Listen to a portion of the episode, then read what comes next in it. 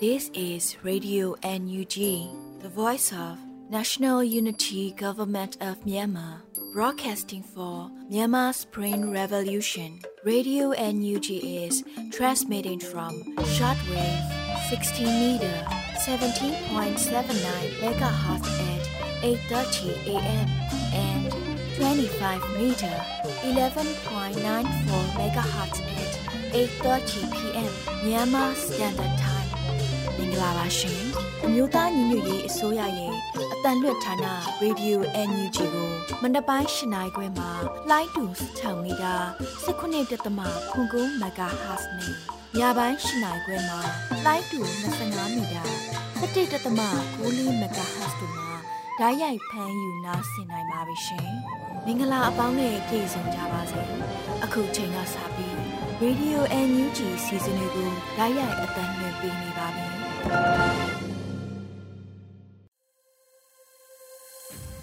မင်္ဂလာနံနက်ခင်းပါရှင်ရေဒီယို NUG ကိုနားဆင်နေကြတဲ့မိဘပြည်သူများနဲ့မြန်မာနိုင်ငံသူနိုင်ငံသားအပေါင်းတဘာဝဘေးဆရာနာရှင်ဘေးတို့ကနေကင်းဝေးပြီးကိုစိတ်နှပါဘေးကင်းလုံခြုံကြပါစေလို့ရေဒီယို NUG အဖွဲ့သားများကဆုတောင်းမေတ္တာပို့သလိုက်ပါတယ်အခုချိန်ကစပြီးစက်တင်ဘာလ15ရက်နေ့ရေဒီယို NUG ရဲ့မနက်ခင်းအစီအစဉ်တွေကိုစတင်ထုတ်လွှင့်ပေးတော့မှာဖြစ်ပါတယ်ပထမအဆုံးအနေနဲ့ ကာကွယ်ရေးဝန်ကြီးဌာနရဲ့စီရေးသတင်းအကျဉ်းချုပ်ကိုတော့နှွေဦးလင်ကမှဖတ်ကြားတင်ပြပေးမှာဖြစ်ပါတယ်ရှင်။ကာကွယ်ဝင်ကြီးဌာနအမျိုးသားညီညွတ်ရေးဆိုရမှာစက်တင်ဘာလ14ရက်နေ့2023ခုနှစ်ထုတ်ဝေတဲ့စီရေးသတင်းကျဉ်းချုပ်ကိုတင်ဆက်ပေးတော့မှာဖြစ်ပါတယ်။ရန်သူတပ်သားတိတ်ဆုံးမှုအရေးအတွက်ကိုစုံစမ်းစစ်ဆေးနေစေဖြစ်ပြီးဒဏ်ရာရရှိသူအရေးအတွက်မှာ၄ဦးဖြစ်ကြောင်းသတင်းရရှိပါရခင်ဗျာ။ အာနာသိန်းအကြမ်းဖက်စစ်တပ်နဲ့တိုက်ပွဲဖြစ်ပွားမှုသတင်းတွေကိုတင်ဆက်ပေးကြပါမယ်။မန္တလေးတိုင်းမှာစက်တင်ဘာလ23ရက်နေ့ည9:00နာရီခန့်မှာမရယာမြို့နယ်ဝတုံတရရွာမှာကင်းပတ်လာတဲ့ရန်သူတပ်နဲ့ပြူစောတိအင်အားစေဦးခန့်ကိုမန္တလေးမရယာလမ်းပိုင်းတနေရာမှာမရယာမြို့နယ်ပကဖကမိုင်းဆွဲတိုက်ခိုက်ခဲ့ကြောင်းသတင်းရရှိပါရခင်ဗျာ။စက်တင်ဘာလ23ရက်နေ့ည9:00နာရီခန့်မှာတတအူးမြို့နယ်တတအူးမြို့ရှိ ညာစည်းစာဘီယာဆိုင်မှာဘီယာဝင်တောက်နေတယ်။ရန်သူတပ်သား3ဦးအားတတအူးပကဖအဖွဲ့ကဘုံနဲ့ဝင်ရောက်ပစ်ခတ်တိုက်ခိုက်ခဲ့ရာရန်သူတပ်သားများကလက်နက်ငယ်များနဲ့ပြန်လည်ပစ်ခတ်မှုဖြစ်ပွားခဲ့ပြီးရန်သူတပ်များထိခိုက်မှုကိုစုံစမ်းနေစေဖြစ်ကြောင်းသတင်းရရှိပါရခင်ဗျာမကွေးတိုင်းမှာစက်တင်ဘာလ23ရက်နေ့တနအီ30မိနစ်အချိန်ခန့်မှာရေစကြိုမြို့နယ်ညောင်ဆောက်ကျေးရွာနဲ့မဲကုန်းကျေးရွာလမ်းပိုင်းမှာရေစကြိုအခြေဆိုင်ခလာရ256နဲ့ရေစကြိုမြို့အခြေပြု ရန်သူတပ်ဖွဲ့ပူးပေါင်းစစ်ကြောင်းကိုရေစကြိုမြို့နယ်ပြည်သူ့ကာကွယ်တပ်ဖွဲ့ဝင်များကမိုင်းဆွဲတိုက်ခိုက်ခဲ့ပြီးဒရုန်းဖြင့်ပါထပ်မံတိုက်ခိုက်ခဲ့ရာရန်သူတပ်ဖွဲ့ဝင်၄ဦးပြင်းထန်စွာဒဏ်ရာရရှိခဲ့ကြောင်းသတင်းရရှိပါရခင်ဗျာဆက်လက်ပြီးအာနာသိန်းတပ်ဖက်စစ်တပ်ကကျူးလွန်တဲ့ရာဇဝတ်မှုတွေကိုတင်ဆက်ပေးကြပါမယ်။ကချင်ပြည်နယ်မှာစက်တင်ဘာလ23ရက်နေ့မနက်9:30မိနစ်အချိန်ခန့်မှာဗမော်မြို့နယ် စင်ခန်းကျွာတရားထိပ်မှာရန်သူတပ်သားများကတိုက်ပွဲဖြစ်ပွားခြင်းမရှိပေအေယာဝတီမြစ်အခြေဘက်ခြမ်းနဲ့အနောက်ဘက်ခြမ်းနေရာများသို့လက်နက်ကြီးငါးလုံးနဲ့ပစ်ခတ်ခဲ့ကြောင်းသတင်းရရှိပါရခင်ဗျာမန္တလေးတိုင်းမှာစက်တင်ဘာလ23ရက်နေ့ကငဇုံမြို့နယ်အောင်သာရွာသို့ရန်သူတပ်များဆက်လီများနဲ့ရောက်ရှိလာစဉ်မှာရွာရှိကျဲနွားတရိတ်ဆန်များကိုကျိုးဖြုတ်လွှတ်က စံပိုင်းစီပုံးများနဲ့အခြားပစ္စည်းများကို14ရက်နေ့မနက်ပိုင်းမှာဆက်လီနဲ့တဲဆောင်သွားခဲ့ကြောင်းသတင်းရရှိပါရခင်ဗျာစက်တင်ဘာလ23ရက်နေ့မနက်9:30မိနစ်အချိန်ခန့်မှာဝမ်ဒရင်းမြို့နယ်မှာနေပူကုန်းကျွော်မှာကိုပေါ်ထေကိုရန်သူတပ်များကဖမ်းဆီးသွားခဲ့ကြောင်းသတင်းရရှိပါရခင်ဗျာစက်တင်ဘာလ12ရက်နေ့ည12နာရီချိန်ခန့်မှာမြင်းကြံမြို့နယ်ကျုပ်ပင်ရွာရှေ့ဘက်မှာရန်သူတပ်သားများကဖမ်းဆီးထားသူ3ဦးကိုတနက်ဖြန်3ချက်ပစ်ခတ်ခဲ့ရာ 2ဦးသေဆုံးခဲ့ပြီး2ဦးအသက်ရှင်ခဲ့ပါတယ်။73ရက်နေ့မနေ့၈နာရီချိန်ခန့်မှာအဆိုပါအသက်ရှင်တဲ့ပြည်သူတူအောင်ရန်သူတပ်များက၎င်းတို့တင်ယူထားပြီးအမိဖြုတ်ထားတဲ့လူနာတင်ကားနဲ့ခေါ်ဆောင်သွားခဲ့ကြောင်းသတင်းရရှိပါရခင်ဗျာ။စက်တင်ဘာလ12ရက်နေ့ည9:00နာရီချိန်ခန့်မှာညောင်ဦးမြို့နယ်တဟက်စီရွာမှာ ဝါဇိုလာပြင်းနေမှာ905မှုနဲ့ပြန်လည်လွတ်မြောက်လာတဲ့ကိုရဲမြင့်နိုင်ကိုအရက်ဝင်နဲ့ညောင်ဦးခရိုင်ဆာရဖတက်ဆွေမှာဘူကြီးနဲ့စာသုံးလုံးနေလိမ့်တို့ပါဝင်နေထောက်လန်ရေးအဖွဲ့၄ဦးကစစ်ဆေးစရာရှိသူဆိုကကားဖြင့်ခေါ်ဆောင်သွားခဲ့ကြောင်းသတင်းရရှိပါရခင်ဗျာမန္တလေးတိုင်းမှာစက်တင်ဘာလ12ရက်နေ့ည10:00နာရီခန့်မှာပေါက်မြို့နယ်အခြေပြုကပ္ပစ24မှာ120မမလက်နက်ကြီးနဲ့အကြမ်းဖက်ပစ်ခတ်ခဲ့တဲ့အတွက်ကြောင့် ကြားပစ်ကန်ကျွော်အတွင်းသို့လက်နက်ကြီးကြီးနှလုံးကြားရောက်ပောက်ကွဲခဲ့ရာ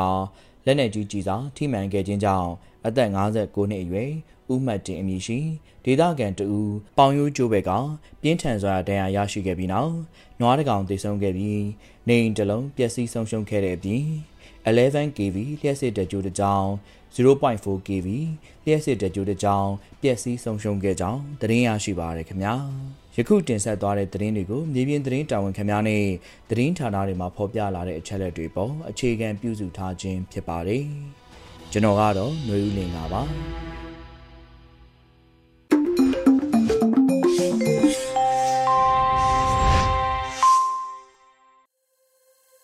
ရေဒီယိုအန်ဂျီမှဆက်လက်အသံလွှင့်ပေးနေပါတယ်။အခုတစ်ခါမှာတော့နောက်ဆုံးရပြည်တွင်းသတင်းများကိုလွတ်လပ်နေဦးမှဖတ်ကြားတင်ပြပေးမှာဖြစ်ပါတယ်ရှင်။ မင်္ဂလာမနက်ခင်ပါခင်ဗျာအခုချိန်ကစပြီးစက်တင်ဘာလ15ရက်နေ့ရေဒီယိုအန်ယူဂျီရဲ့မနေ့ပိုင်းပြည်တွင်းသတင်းများကိုစတင်ဖတ်ကြားပါတော့မယ်။ကျွန်တော်ကလွတ်လပ်နေဦးပါ။မင်းအွန်လိုင်းဦးဆောင်တဲ့အကြမ်းဖက်စစ်တပ်ကနိုင်ငံတော်အာဏာကိုလူယူသိမ်းပိုက်ချိန်မှစလို့မြန်မာနိုင်ငံတွင်မူရစေဝါထုတ်လုပ်မှုနဲ့တရားမဝင်သဲဆောင်ရောင်းဝယ်မှုများရခင်ကာလများတဲ့ပုံမဖြစ်ပွားလာတယ်ဆိုတဲ့သတင်းကိုဥဆုံးတင်ပြပါမယ်။မင်းအွန်လိုင်းဥဆောင်တဲ့အကြမ်းဖက်စစ်တပ်ဟာနိုင်ငံတော်အာဏာကိုသိမ်းပိုက်ခြင်းမှစလို့မြန်မာနိုင်ငံတွင်မူရစေဝါထုတ်လုပ်မှုနဲ့ တရားမဝင်သဲဆောင်ရောင်းဝယ်မှုများရခင်ကထက်ပုံမဖြစ်ပွားလာတယ်လို့မြို့သားညွေရေးဆိုရကစက်တင်ဘာလ14ရက်နေ့မှာသတင်းထုတ်ပြန်ပါတယ်။မင်းအွန်လိုင်းဦးဆောင်တဲ့အကြမ်းဖက်စစ်တပ်ကနိုင်ငံတော်အာဏာကိုလူယူသိမ်းပိုက်ခြင်းမှစလို့မြန်မာနိုင်ငံတွင်မူရစေဝါထုတ်လုပ်မှုနဲ့တရားမဝင်တဲဆောင်ရောင်းဝယ်မှုများသည်ရခင်ကာလများတဲ့ပုံမှုဖြစ်ပွားလာခဲ့ပြီးနေဆက်ဖြတ်ကျော်ရာဇဝတ်မှုများအဖြစ်အိန္ဒိယနိုင်ငံများထိပါမူရစေဝါနဲ့စိတ်ကိုပြောင်းလဲစေတတ်သောစေဝါများ၏အန္တရာယ်ကြီးမားကျယ်ပြန့်လာခဲ့ကြောင်းတွေ့ရှိရတယ်လို့ဆိုပါတယ် အမျိုးသားညွေရေးဆိုရသည်လူသားတို့အားအညွန့်တုံးစေနိုင်သည့်မူရစေဝါနှင့်စိတ်ကိုပြောင်းလဲစေတတ်သောစေဝါများ၏ဘေးအန္တရာယ်တားဆီးကာကွယ်ရေးကိုတော်လိုင်းရေးတာဝန်တရားဖြစ်သတ်မှတ်တယ်လို့ဖော်ပြပါတယ်။အမျိုးသားညီရေးဆိုရသည်မြန်မာနိုင်ငံကသဘောတူလက်မှတ်ရေးထိုးထားသည့်မူရစေဝါနဲ့စိတ်ကိုပြောင်းလဲစေတတ်သောစေဝါများတရားမဝင်သဲဆောင်ရောင်းဝယ်ခြင်းကိုဆန့်ကျင်တိုက်ဖြတ်ရေးဆိုင်ရာကုလသမဂ္ဂကွန်ဗန်းရှင်းများပါပြဋ္ဌာန်းချက်များကိုအကောင့်ထဲပုံနိုင်ရေးဆောင်ရွက်သွားမယ်လို့ဆိုပါတယ်။အမျိုးသားညီရေးဆိုရသည် မူရစေဝါနဲ့စိတ်ကိုပြောင်းလဲစေတတ်သောစေဝါများဆိုင်ရာဥပဒေ1993နှင့်ရင်းဥပဒေကိုပြင်ဆင်သည့်ဥပဒေ2018ပါပြဋ္ဌာန်းချက်များနဲ့ညီမူရစေဝါနဲ့စိတ်ကိုပြောင်းလဲစေတတ်သောစေဝါများအန္တရာယ်တားဆီးကာကွယ်ရေးနဲ့ထိန်းချုပ်ရေးဆိုင်ရာလုပ်ငန်းများကိုလိုအပ်သည့်ရန်တရားများဖွဲ့စည်း၍ကုလသမဂ္ဂကွန်ဗန်းရှင်းဝင်နိုင်ငံများအပြည့်ပြည့်ဆိုင်ရာအဖွဲ့ဝင်များအိန္ဒိယနိုင်ငံများမဟာမိတ်တော်လိုင်းအင်အားစုများနဲ့ညှိနှိုင်းပူးပေါင်းဆောင်ရွက်သွားမယ်လို့ဆိုပါတယ်ခင်ဗျာဆက်လက်ပြီးတော်လိုင်းရဲ့အသာစီးရနေသည့်ကာလမျိုးတွင် စီစီလုံးလုံးစုစုစည်းစည်းပန်းတိုင်စီအရောက်ချီတက်နိုင်ရာအရေးကြီးကြောင်းပြည်ထောင်စုဝန်ကြီးချုပ်ပြောကြားတဲ့သတင်းကိုဆက်လက်တင်ပြပါမယ်စက်တင်ဘာလ14ရက်နေ့မှာကျင်းပတဲ့ဂျာကာလာဒေသန္တရပြည်သူ့အုပ်ချုပ်ရေးဖော်ဆောင်မှုဗဟိုကော်မတီစည်းဝေးအမှတ်စဉ်39မြင်းဆောင်2023ကျင်းပရာမှာပြည်ထောင်စုဝန်ကြီးချုပ်ကအခုလိုပြောပါတယ်။တော်လိုင်းအင်အားစုများတွင်ဤပညာတိုးတက်မှုများအားကောင်းကောင်းအသုံးချနိုင်သည့်အားသာချက်ရှိနေသလိုရခင်တော်လိုင်းရဲ့အဆက်ဆက်၏လိုအပ်ချက်များအားသင်ခန်းစာယူပြင်ဆင်နိုင်ခြင်းသည်လည်းတော်လိုင်းရဲ့အမြန်အောင်မြင်စေမည့်အချက်ဖြစ်ကြောင်း ယခုကဲ့သို့အခြေအနေနဲ့အချိန်ကာအသာစီးရနေသည့်ကာလမျိုးတွင်စီစီလုံးလုံးစုစုစည်းစည်းပန်းတိုင်စီအရောက်ချီတက်နိုင်ရန်ရည်ကြီးကြောင်းတခုတည်းသောအမိတ်ပေးကိုကဲမှုစနစ်အောက်မှာတွားကြရန်ယာယီသမရာကြီးမှပြည်သူ့ခုခံစစ်နှစ်နှစ်ပြည့်မိခွန်းမှာပြောကြားသွားကြောင်းအင်အားများကိုစုစည်းနိုင်လေလေထိုးစစ်အရှိန်မြင့်တက်လာလေလေဖြစ်တာကြောင့်အချင်းချင်းစုစည်းညီညွတ်ကြဖို့အထူးအလေးပေးတိုက်တွန်းလိုကြောင်းဝန်ကြီးချုပ်ကပြောပါတယ်ဆက်လက်ပြီးတက်ရောက်လာကြသောဂျာကာလာဒေသန္တရပြည်သူ့အုပ်ချုပ်ရေးဖော်ဆောင်မှုဗဟိုကော်မတီအဖွဲ့ဝင်များမှ 36မြင်းဆောင်2023တွင်ချမှတ်ထားသောဆုံးဖြတ်ချက်လုပ်ငန်းစဉ်များနဲ့ပတ်သက်လို့ပြည်စည်းမှုအခြေအနေများနဲ့ဆက်လက်ဆောင်ရွက်ရန်ကြံရှိနေသည့်လုပ်ငန်းစဉ်များကိုချပြရှင်းလင်းပြီးတက်ရောက်လာသောတာဝန်ရှိသူများမှအကြံတဝင့်ဆွေးနွေးခဲ့ကြပါတယ်။အစည်းအဝေးသို့ပြည်ထောင်စုဝန်ကြီးချုပ်မောင်ဝင်းခိုင်တမ်းမှဦးဆောင်ကပြည်ထောင်စုဝန်ကြီးများဒုတိယဝန်ကြီးများအမြဲတမ်းတွင်းဝန်များတွဲဘက်အမြဲတမ်းတွင်းဝန်များဌာနဆိုင်ရာများမှတာဝန်ရှိသူများတက်ရောက်ခဲ့ကြတယ်လို့သတင်းရရှိပါတယ်ခင်ဗျာ။ပြည်ထရေးနဲ့လူဝင်မှုကြီးကြပ်ရေးဝန်ကြီးဌာနနဲ့ခရိုင်ပြည်သူ့အုပ်ချုပ်ရေးဖွဲ့များ တွဲဆောင်ဆွေးနွေးပွဲကျင်းပခဲ့တဲ့အကြောင်းကိုဆက်လက်တင်ပြပါမယ်။ပြည်ထရေးနဲ့လူဝင်မှုကြီးကြပ်ရေးဝန်ကြီးဌာနနဲ့ခရိုင်ပြည်သူ့အုပ်ချုပ်ရေးဖွဲ့များတွေ့ဆုံဆွေးနွေးမှုအစည်းအဝေးအမှတ်စဉ်30မြင်းဆောင်2023ကိုစက်တင်ဘာလ14ရက်နေ့ကကျင်းပခဲ့ပြီးပြည်ထရေးနဲ့လူဝင်မှုကြီးကြပ်ရေးဝန်ကြီးဌာနအမြဲတမ်းအတွင်းဝန်မှအဖွင့်မှာစကားပြောကြားခဲ့ပါတယ်ဆက်လက်ပြီးတွဲဘက်အမြဲတမ်းအတွင်းဝန်မှလုပ်ငန်းဆောင်ရွက်ချက်များနဲ့ပတ်သက်လို့ရှင်းလင်းပြောခဲ့ပြီးတက်ရောက်လာသောခရိုင်ပြည်သူ့အုပ်ချုပ်ရေးဖွဲ့များမှရည်ပြင်ကြုံတွေ့နေရသည့်ကိစ္စရပ်များလိုအပ်ချက်များအခက်အခဲများကိုမေးမြန်းဆွေးနွေးကြကာ ဝန်ကြီးဌာန၏တာဝန်ရှိသူများမှပြန်လည်ဖြေကြားဆောင်ရွက်ခဲ့ပါတယ်။အစည်းအဝေးကိုအမြဲတမ်းတွင်းဝန်တွဲဘက်အမြဲတမ်းတွင်းဝန်ပြည်သူ့အုပ်ချုပ်ရေးဦးစီးဌာနတာဝန်ရှိသူများမိသက်ဦးစီးဌာနတာဝန်ရှိသူများခရိုင်ပြည်သူ့အုပ်ချုပ်ရေးအဖွဲ့များမှတက်ရောက်ခဲ့ကြတယ်လို့သတင်းရရှိပါတယ်ခင်ဗျာ။ဆက်လက်ပြီးရင်းမာပင်ခရိုင်တပ်ရင်း3တပ်ရင်း4တပ်ရင်း5တပ်ရင်း6တို့ပြည်သူ့ကာကွယ်ရေးတပ်မတော် PDF တပ်ရင်းများဖြင့်ဆက်လက်ခံယူလျက် COC နှစ်ရပ်ကိုလေးစားလိုက်နာဆောင်ရွက်သွားမည်ဖြစ်တဲ့ကဲ့သို့ကာကွယ်ရေးဝန်ကြီးဌာနနဲ့စစ်ဒေသကလည်း ဆက်လက်အသိမှတ်ပြုထပ်ပတ်မယ့်အကြောင်းကိုတင်ပြဖို့ရှိပါတယ်။ရင်းမာပင်ခရိုင်တပ်ရင်း3 4 5 6တို့ပြည်သူ့ကာကွယ်ရေးတပ်မတော် PDF တပ်ရင်းများဖြင့်ဆက်လက်ခံယူလျက် COC နှစ်ရပ်ကိုလေးစားလိုက်နာဆောင်ရွက်သွားမည်ဖြစ်တဲ့ကဲ့သို့ကာကွယ်ရေးဝန်ကြီးဌာနနဲ့စစ်ဒေသကလည်းဆက်လက်အသိမှတ်ပြုထောက်ပံ့မယ်လို့မြို့သားညွေရေးအစိုးရကာကွယ်ရေးဝန်ကြီးဌာနကစက်တင်ဘာလ14ရက်နေ့မှာသတင်းထုတ်ပြန်လိုက်ပါတယ်။မြို့သားညွေရေးအစိုးရကာကွယ်ရေးဝန်ကြီးဌာနနဲ့မဟာမိတ်များစစ်ဒေသလိုက်တိစောက်ထားသည့် Chain of Command အောက်တွင်ပါဝင်လျက် Code of Conduct စစ်ဘက်ဆိုင်ရာကျင့်ဝတ်များနဲ့ညီဆောင်ရွက်မည်ဟုသောသဘောတူညီချက်ဖြင့်စကိုင်းတိုင်းရင်းမာပင်ခရိုင်ပလဲမြို့နယ်တွင်အခြေစိုက်သည့်မြမတော်ဝင်နဂါတပ်တော် MRDA ၏တပ်ဖွဲ့များကိုရင်းမာပင်ခရိုင်တပ်ရက်မှတ်3456ဖြင့်2022ခုနှစ်မတ်လ14ရက်နေ့ရက်စွဲနဲ့အသိမှတ်ပြုကုတ်ကဲမှုရယူခဲ့ပါတယ်လို့ဆိုပါတယ်။ကုတ်ကဲမှုရယူပြီးနောက်အခြားပြည်သူ့ကာကွယ်တပ်မတော်တပ်ရင်းများနည်းတူတပ်ရင်းထောက်ပံ့မှုများကို2022ခုနှစ် မေလမှာစတင်ပြုလုပ်ခဲ့ရာယခုချိန်ထိစုစုပေါင်းမြန်မာကျပ်ငွေသိန်းပေါင်း3180သိန်းတိတိခန့်မှန်းအမေရိကန်ဒေါ်လာ322,986ဒေါ်လာကျော်ထောက်ပံ့ခဲ့ပြီးဖြစ်တယ်လို့ဖော်ပြထားပါတယ်။ပြည်သူ့ကာကွယ်ရေးတပ်မတော်တပ်ရင်းများဖြင့်အသိမှတ်ပြုကုတ်ကဲမှုမယူမီကာလာကလေးက MRTA ၏ထုတ်လုပ်ရေးလုပ်ငန်းများအတွက်စုစုပေါင်းခန့်မှန်းအမေရိကန်ဒေါ်လာ24,166ဒေါ်လာကျော်ထောက်ပံ့ခဲ့ပြီးပြည်သူ့တော်လှန်ရေးထောက်ပို့တပ် PRF အပါအဝင် ကာကွယ်ရေးဝန်ကြီးဌာနမှတဆင့်ပြည်တွင်းပြည်ပလူရှင်များ၏လှူဒန်းမှုစုစုပေါင်းခန့်မှန်းအမေရိကန်ဒေါ်လာ28,080ကိုလည်းဆက်သွယ်ပေးပို့ခဲ့တယ်လို့ဆိုပါတယ်2022ခုနှစ်မတ်လအတွင်း MRTA အနေဖြင့်၎င်း၏ရန်ပုံငွေဖြင့်လက်နက်ပစ္စည်းဝယ်ယူနိုင်ရန်အတွက်မဟာမိတ်များနဲ့ချိတ်ဆက်ဆောင်ရွက်ပေးခဲ့ရုံသာမကကာကွယ်ရေးဝန်ကြီးဌာနကခန့်မှန်းအမေရိကန်ဒေါ်လာ9000ကိုအားဖြည့်ထောက်ပံ့ပေးခဲ့တယ်လို့ဆိုပါတယ်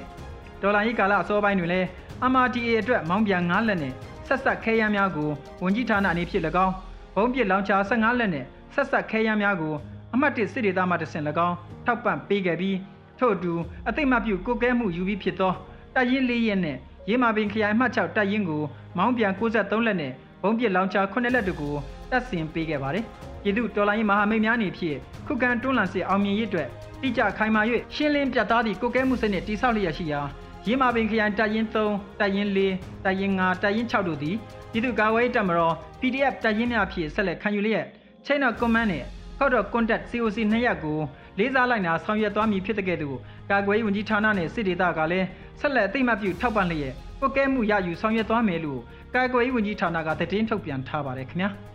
အကြမ်းဖက်မှုတိုက်ဖျက်ရေးဥပဒေနဲ့အညီစစ်ကောင်စီလက်အောက်ခံဗဟိုဘဏ်ရဲ့ညွှန်ကြားရေးမှုချုပ်မှစယူညွှန်ကြားရေးမှုတိစုစုပေါင်း44ဦးအားအကြမ်းဖက်သမားများပြီးအန်ယူဂျီကသတ်မှတ်ကြေညာခဲ့တဲ့အကြောင်းကိုဆက်လက်တင်ပြပါမယ်။ အကြမ်းဖက်မှုတိုက်ဖျက်ရေးဥပဒေနဲ့ညီစစ်ကောင်စီလက်အောက်ခံဗဟိုဘဏ်ညွှန်ကြားရေးမှုချုပ်မှစလို့ညွှန်ကြားရေးမှုတိစုစုပေါင်း44ဦးအားအကြမ်းဖက်သမားများပြီးအန်ယူဂျီကသတ်မှတ်ကြေညာလိုက်ပါတယ်။စက်တင်ဘာလ14ရက်နေ့မှာမြို့သားညွေရေးဆိုရအကြမ်းဖက်မှုတိုက်ဖျက်ရေးဗဟိုအဖွဲ့ကအမိန့်ကြေညာစာမှတ်3မြင်းဆောင်2023ကိုထုတ်ပြန်ခဲ့တာဖြစ်ပါတယ်။အကြမ်းဖက်စစ်ကောင်စီနေဖြင့်အကြမ်းဖက်လုပ်ရများကိုကျူးလွန်နိုင်ရေးအတွက်ဗန္ဒာငွေအထောက်ပံ့ငွေကြေးစီးဆင်းမှုနိုင်ငံခြားတိုင်းပြည်များမှလေရင်စီပါဝင် လူအများပြားသေးကြီးပျက်စီးနိုင်သည့်လက်နက်များဝယ်ယူခြင်းအစရှိသည့်တို့တွင်စစ်ကောင်စီလက်အောက်ခံဗဟိုဘဏ်၏ဝန်ထမ်းများသည်အထက်ကကြံရပါများဖြင့်ပါဝင်ရရှိတယ်လို့ဖော်ပြပါတယ်။စစ်ကောင်စီလက်အောက်ခံဗဟိုဘဏ်၏ဥက္ကဋ္ဌဆိုသူမှစလို့အောက်စစ်စစ်ဝန်ထမ်းကြီးဝန်ထမ်းလက်ဝန်ထမ်းအငယ်များသည်အောက်ပါလုပ်ငန်းများကိုကျင့်ဝတ်နဲ့ဆောင်ရွက်ရမည်တာဝန်ဝတ္တရားများတွေ့ဖယ်ပြီးမလျော်ဩဇာသုံး၍ကျူးလွန်နေတာကြောင့်ပြည်သူလူထုအပေါ်ကြီးမားပြင်းထန်သောဆိုးကျိုးများဖြစ်ပေါ်စေခဲ့တယ်လို့ဆိုပါတယ်။စစ်ကောင်စီလက်အောက်ခံဗဟိုဘဏ်ညွှန်ကြားရေးမှူးချုပ်မှစ၍ ညွှန်ကြားရေးမှူးထိစုစုပေါင်း44ဦးအားအကြမ်းဖက်သမားများဖြင့်သတ်မှတ်ကြေညာလိုက်ကြောင်းသိရပြီးအကြမ်းဖက်သမားများဖြင့်သတ်မှတ်ကြေညာခြင်းခံရသူများအားအကြမ်းဖက်မှုတိုက်ဖျက်ရေးဥပဒေအခန်း14ပါပြဋ္ဌာန်းချက်များနဲ့ညီအရေးယူဆောင်ရွက်သွားမယ်လို့သတင်းထုတ်ပြန်ထားပါတယ်ခင်ဗျာဆက်လက်ပြီးမြေအောက်ပျောက်ကြားတပ်ဖွဲ့အုပ်ဖို့၏ကြားကြီးစစ်ကြောင်းတပ်ဆွဲထားသည့်တာဝါတိုင်းစခန်းကုန်းအားတိမ့်ပတ်ရန်လာသောစစ်ကောင်စီတပ်များစောက်ကြိုတိုက်ခိုက်ခံရ၍အထိနာထွက်ပြေးခဲ့တဲ့အကြောင်းကိုတင်ပြပါမယ်။မြေအောက်ပျောက်ကြားတပ်ဖွဲ့အုပ်ဖို့၏ ကြားကြီးစစ်ကြောင်းတပ်ဆွဲထားသည့်တာဝါတိုင်းစခန်းကုန်းအားတိမ့်ပတ်ရန်လာသောစစ်ကောင်စီတပ်များသည်စောက်ကြိုတိုက်ခိုက်ခံရ၍အထိနာထွက်ပြေးခဲ့ကြတယ်လို့သတင်းရရှိပါသည်။စက်တင်ဘာလ14ရက်နေ့မွန်းလွဲ12နာရီ10မိနစ်အချိန်မှာအင်အား30ပါစစ်ကောင်စီတပ်ဖွဲ့ဟာစစ်ကြောင်းထိုးလာခဲ့တယ်လို့အမှတ်နှစ်စစ်ဒေသကွဲတာယာပရီခရိုင်တပ်ရင်း3832နှစ်တပ်ခွဲလေးမြေအောက်ပျောက်ကြားတပ်ဖွဲ့အုပ်ဖို့ကအသိပေးပြောဆိုပါတယ်။၎င်းနောက်အဆိုပါစစ်ကြောင်းအားဂိုင်းချိုကြီးရွာနီးတွင်ကာကွယ်ရေးတပ်များကပရိဒါမိုင်းရှစ်လုံးတွဲနဲ့စောက်ကြိုက ဖောက်ခွဲတိုက်ခိုက်နိုင်ခဲ့တယ်လို့ဆိုပါတယ်။စစ်ကောင်စီတပ်များဟာရွတ်တရက်တိုက်ခိုက်ခံရ၍ဗရုံးသုံးကားဖြစ်က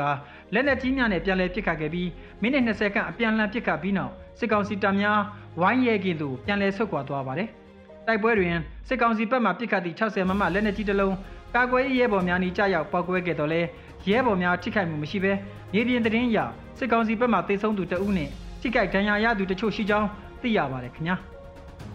မြိုင်မြို့နယ်ရှိကြေးရွာများကိုစစ်ကောင်စီတပ်များကစစ်ကြောင်းထုတ်ဝင်ရောက်နေလို့ရွာပေါင်း10ကျော်မှဒေသခံပြည်သူထောင်နဲ့ချီတိမ်းရှောင်နေရတဲ့အကြောင်းကိုတင်ပြပါဦးမယ်။မြိုင်မြို့နယ်ရှိကြေးရွာများကိုစစ်ကောင်စီတပ်များစစ်ကြောင်းထုတ်ဝင်ရောက်နေ၍ရွာပေါင်း10ကျော်မှဒေသခံပြည်သူထောင်နဲ့ချီတိမ်းရှောင်နေရတယ်လို့မြိုင်မြို့နယ်တော်လိုင်းအင်အားစုချုပ်ကစက်တင်ဘာလ14ရက်နေ့မှာအတည်ပြုဆိုထားပါတယ်။စက်တင်ဘာလ14ရက်နေ့မနေ့အစောပိုင်းကစက်မှုနှစ်ကနေထွက်လာတဲ့အင်အား150ဝန်းကျင်ခန့်ပါတဲ့စစ်ကောင်စီတပ်တွေဟာ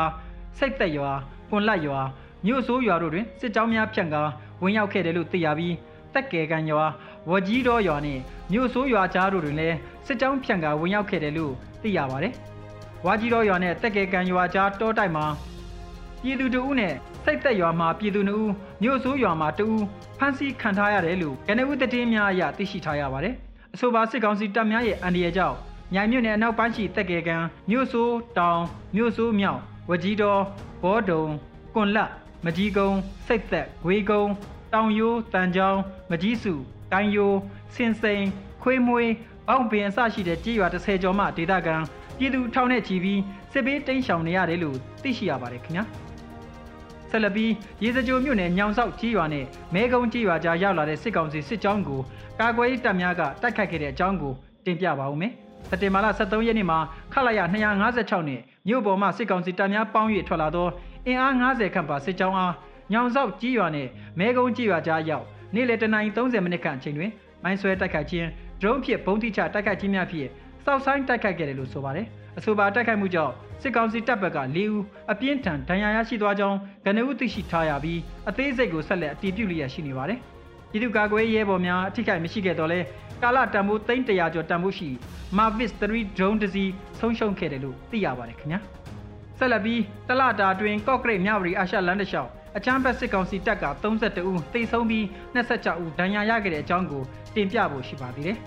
။တလတာတွင်ကော့ကရိတ်မြဝတီအာရှလန်တလျှောက်အချမ်းဘက်စစ်ကောင်စီတပ်က32ဦးတိတ်ဆုံးပြီး26ဦးဒဏ်ရာရရှိခဲ့တယ်လို့ KNU ဗဟိုကစစ်ရေးသတင်းကိုစက်တင်ဘာလ14ရက်နေ့မှာအတည်ပြုထုတ်ပြန်ခဲ့ပါတယ်။ကော့ကရိတ်မြဝတီအာရှလန်မှာမိုးကြီးမြေပြိုလမ်းများပြတ်ပြီးနောက် အာနာသိန်းအချမ်းဘက်စစ်ကောင်စီတပ်မှ၎င်းလန်အားတရားထုတ်ပြန်လည်ပြုပြင်ရာအကြောင်းပြု၍နေမြေလုံခြုံရေးရလှုပ်ရှားနေသောစစ်ကောင်စီတပ်များကို2023ခုနှစ်ဩဂုတ်လ9ရက်နေ့2023ခုနှစ်စက်တင်ဘာလ9ရက်နေ့ထိ KNU တပ်မဟာ6 KNL တပ်ရင်း18နဲ့တော်လိုင်းပူပေါင်းတပ်ဖွဲ့တို့မှပျောက်ကြားဖြစ်တော်၎င်းနှစ်ဖက်တိတိပြစ်ခတ်မှုဖြစ်တော်၎င်း12ကြိမ်ထိတိုက်ခိုက်ခဲ့တယ်လို့ဆိုပါတယ်။ဆိုပါတိုက်ပွဲမှာအာနာသိန်းစစ်ကောင်စီဘက်က32ဦးသေဆုံးပြီး26ဦးဒဏ်ရာရကာ၎င်းတို့စစ်သုံးကား9စီးကိုလည်းဖျက်ဆီးနိုင်ခဲ့ပါတယ်။ ဆိုပါတိုက်ပွဲများတွင် KNL နဲ့တော်လိုင်းပူပေါင်းတပ်ဖွဲ့မှ၄ဦးမှာတိုင်းပြည်နဲ့လူမျိုးတွေမြင့်မြတ်စွာတက်ပေးလူသွားခဲ့ပြီးတဦးကတော့မစိုးရိမ်ဒဏ်ရာရရှိခဲ့ပါတယ်။ကော့ကရိတ်မြဝတီအာရှလမ်းမကြီးသည်အာနာသိန်းစစ်ကောင်စီအစိုးရ၏စီးပွားရေးရတော်၎င်းတပ်ပိုင်းဆိုင်ရာပို့ဆောင်ဆက်သွယ်ရေးရတော်၎င်းအထက်ကကြာသောတောက်တိုင်ကြီးတိုင်ဖြစ်တယ်လို့ဆိုပါတယ်ခင်ဗျာ။တောတာရှင်များခင်ဗျာအခုတင်ပြခဲ့တဲ့သတင်းတွေကိုဗီဒီယိုအန်ယူဂျီသတင်းတောက်မင်းတီဟန်ကပေးပို့ထားတာဖြစ်ပါတယ်ခင်ဗျာ။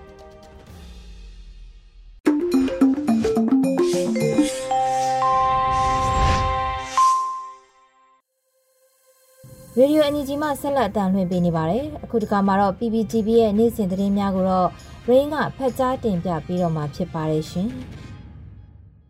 အခုချိန်ကစပြီး PPTV သတင်းတွေကိုတင်ဆက်ပေးတော့မှာပါကျွန်မရိန်ပါ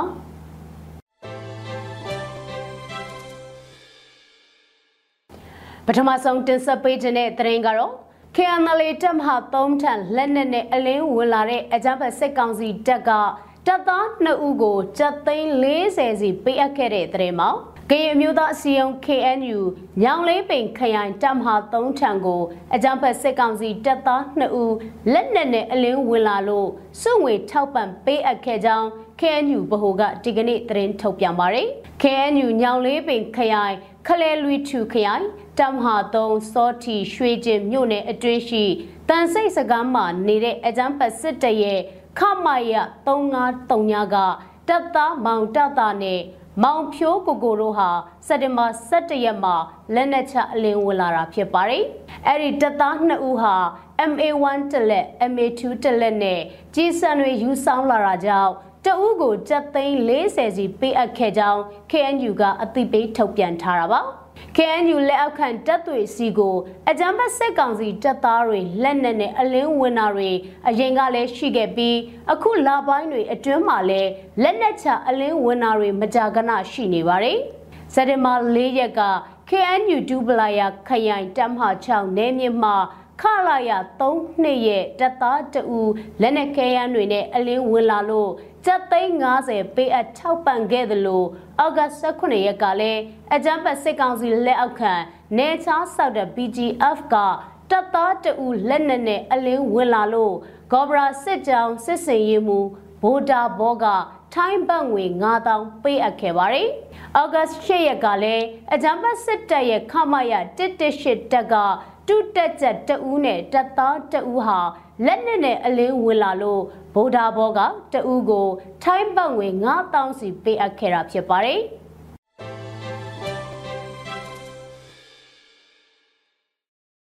အခုနောက်ဆုံးအနေနဲ့မြန်မာနိုင်ငံတဝန်းကလူမျိုးပေါင်းစုံဘာသာပေါင်းစုံပါဝင်တဲ့ဆီအာနာရှင်အမြင့်ပြတ်ချေမုံရေးလူထုဆန္ဒပြပွဲတရင်တွေကိုစူးစီးတင်ဆက်ပေးပါမယ်။ ရမပင်မြို့နယ်ရဲ့နောက်ပြန်မလှည့်ကြီးဒီတော်လှန်ရေးတပိတ်စစ်ကြောင်းက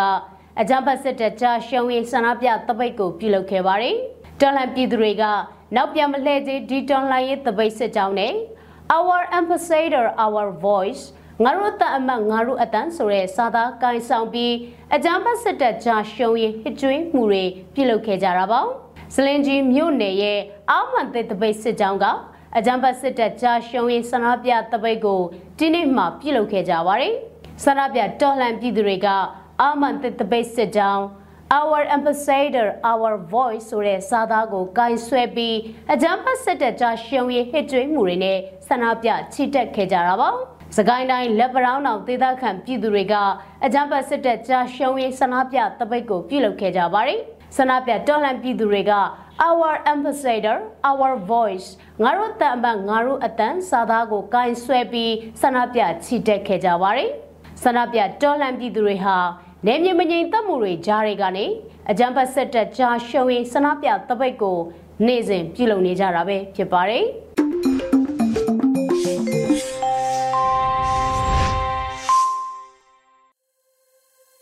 က်တင်ဘာလ15ရက်နေ့ရေဒီယိုအန်ဂျီရဲ့မနက်ခင်းနောက်ဆုံးအစီအစဉ်အနေနဲ့တော်လန်ရေးတိဂီတာမှာတော့နှွေဦးချစ်သူနဲ့ KD ဖန်တို့ရေးသားထားပြီးတူတူနဲ့အဖွဲ့တီးဆိုထားတဲ့ Just Stay လို့အမည်ရတဲ့တော်လန်ရေးတိဂီတာတပုတ်ကိုလည်းနားဆင်ရမှာဖြစ်ပါတယ်ရှင်။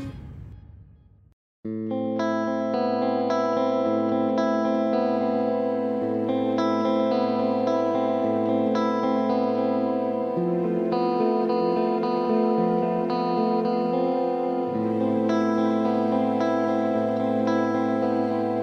ရေ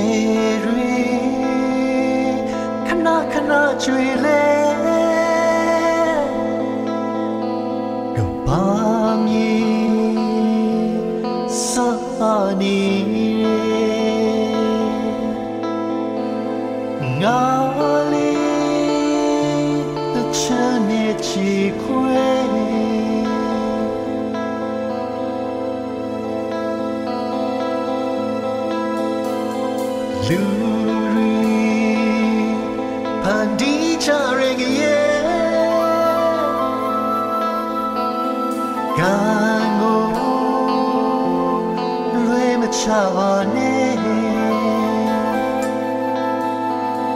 kid.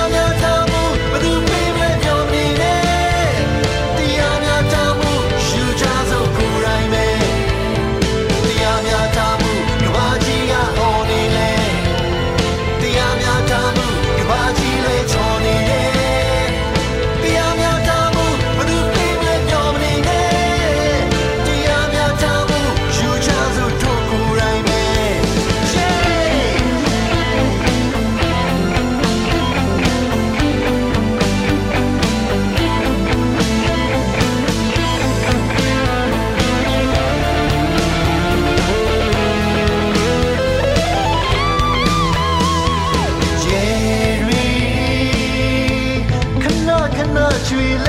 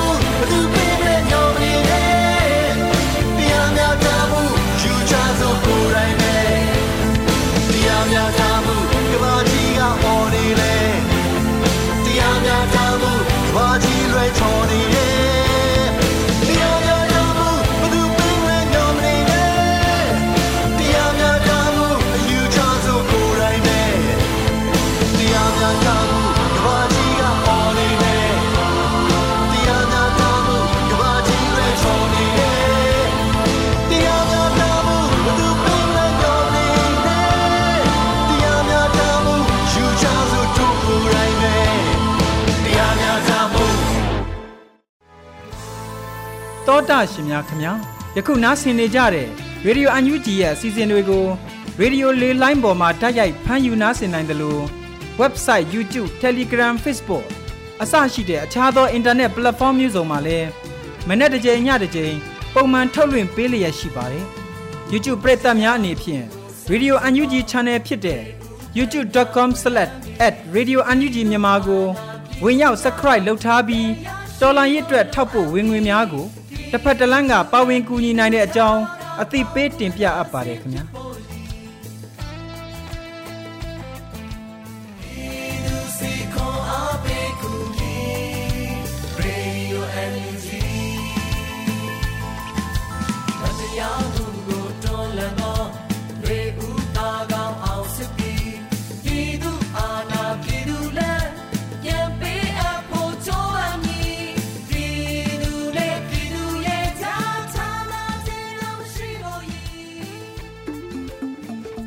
ကနေ့ကတော့ဒီညနေပဲ Radio NUG ရဲ့အစီအစဉ်လေးကိုခေတ္တရ延လိုက်ပါမယ်ရှင်။မြန်မာစံတော်ချိန်မနေ့၈နိုင်ခွဲနဲ့ည၈နိုင်ခွဲအချိန်တွေမှာပြောင်းလဲဆိုပြကြပါလို့ရှင်။ Radio NUG ကိုမနေ့ပိုင်း၈နိုင်ခွဲမှာ